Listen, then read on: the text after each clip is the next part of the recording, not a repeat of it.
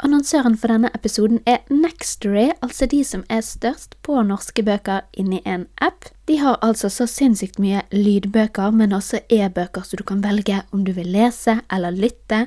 Og den boken som vi holder på med nå i bokklubben, den finner du faktisk der. På nextory.no slash Amalie så har jeg også lagt inn noen flere anbefalinger, blant annet Becoming Supernatural av Dr. Joe Dispenza, som er den boken som endret livet mitt. Altså, det er den beste boken om personlig utvikling.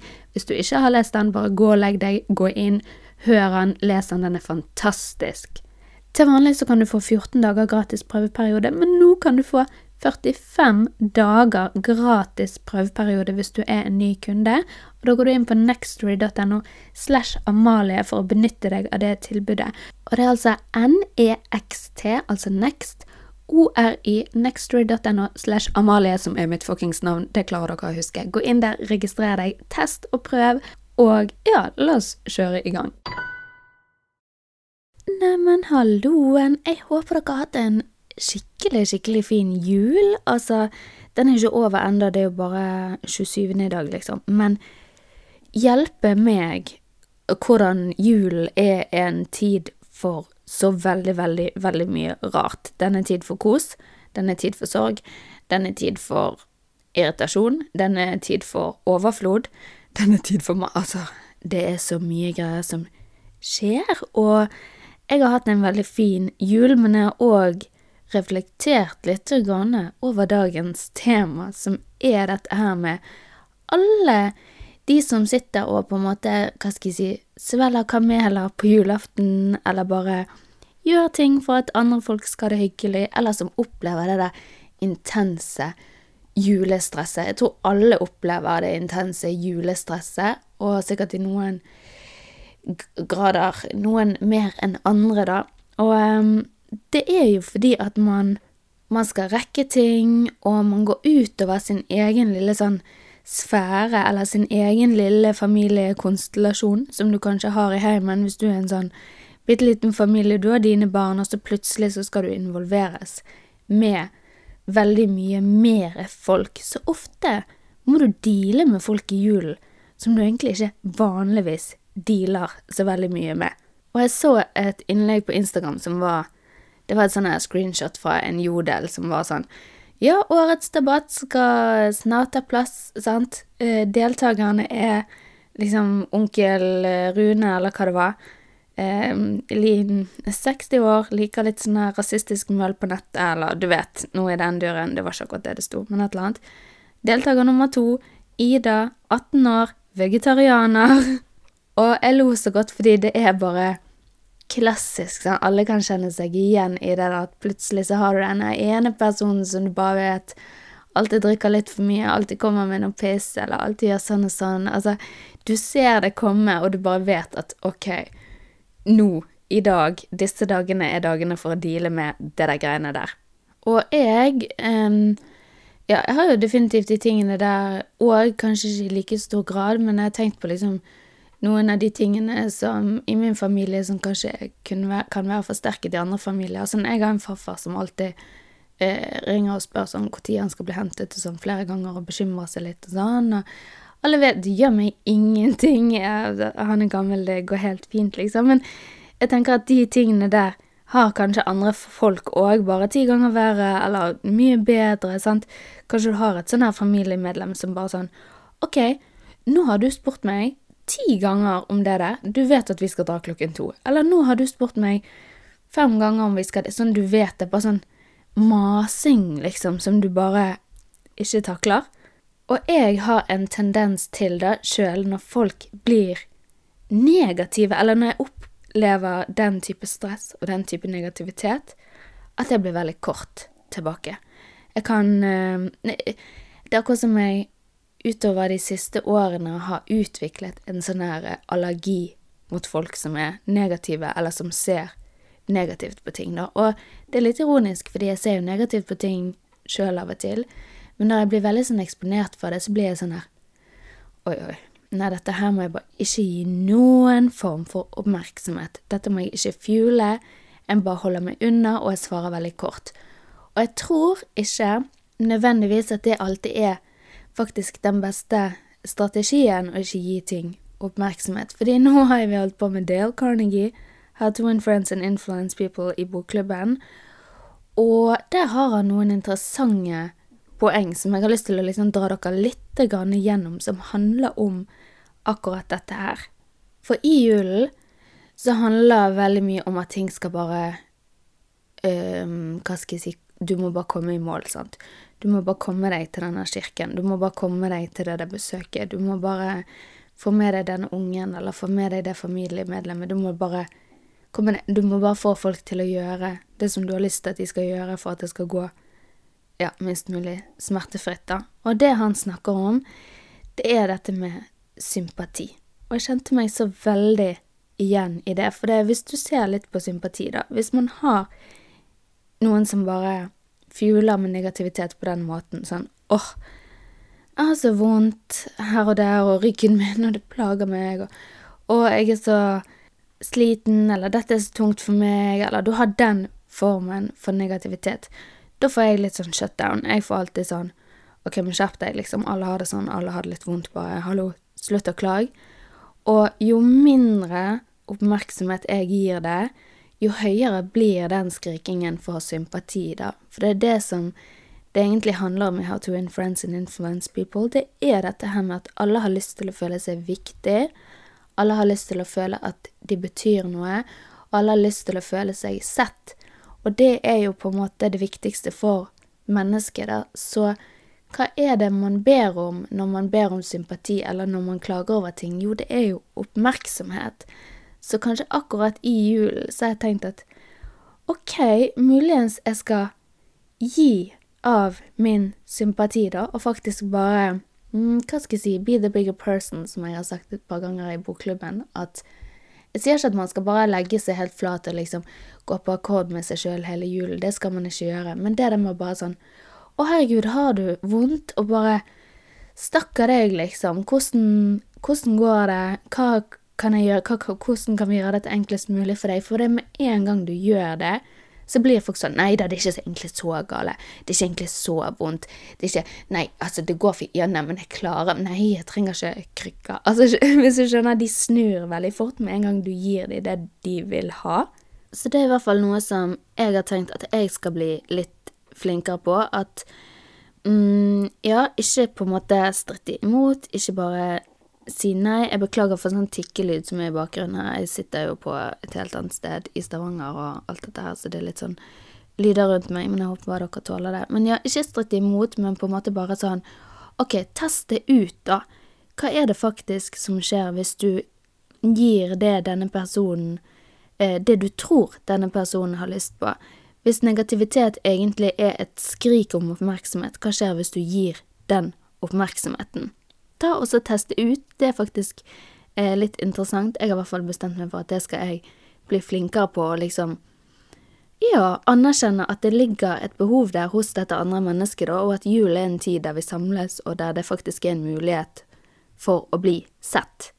Det som Dale Carnegie òg skriver litt om, det er dette med å få andre folk til å føle seg viktig, og gjøre det med mening, da. Han har ganske mange prinsipper i boken sin som handler om dette med å være en veldig god lytter, få folk til å snakke om seg sjøl, og huske at det er egentlig det vi elsker. Det er det som er det menneskelige behovet, å føle at man er, ja, viktig for noen, da.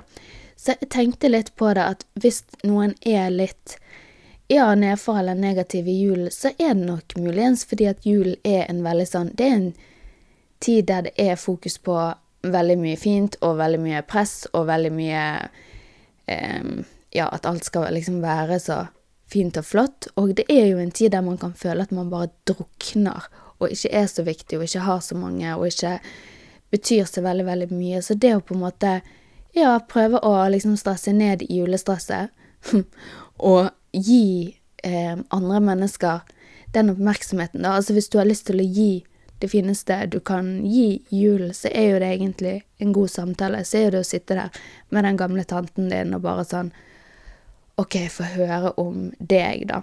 For det, han skriver i boken sånn at mange av de samtalene han har hatt hvor folk bare sånn Wow, du er en fantastisk samtalepartner. Så har han ikke sagt et ord sjøl. Han har bare sittet og lyttet til andre mennesker. Og det å lytte til andre mennesker, det er noe av det største og fineste du kan gi.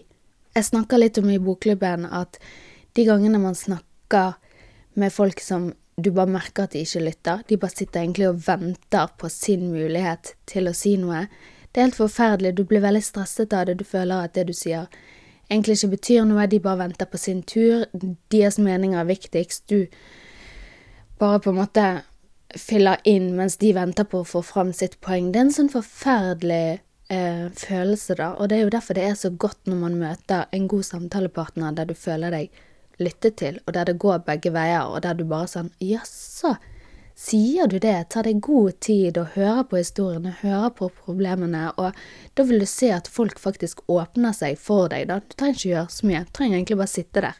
Og det aller siste prinsippet jeg har lyst til å bare dele med dere fra denne boken her, som jeg syntes var et veldig fint prinsipp, som Dale Carnegie har, det er dette her med å ha respekt for den andre personen sin mening, og prøve å se ting fra den andre personen sitt synspunkt. Det er liksom alltid, alltid det viktigste. Jeg tror de som klarer å mestre det, med å bare sånn OK, nå gir jeg det ti sekunder. Benedicte snakket jo om dette i Lifefield-podkasten, at frontallappen, den delen i hjernen som på en måte tenker logisk og tenker konsekvenser, den trenger ofte et par sekunder før den henger med, og det er derfor du skal telle til ti før du reagerer, da.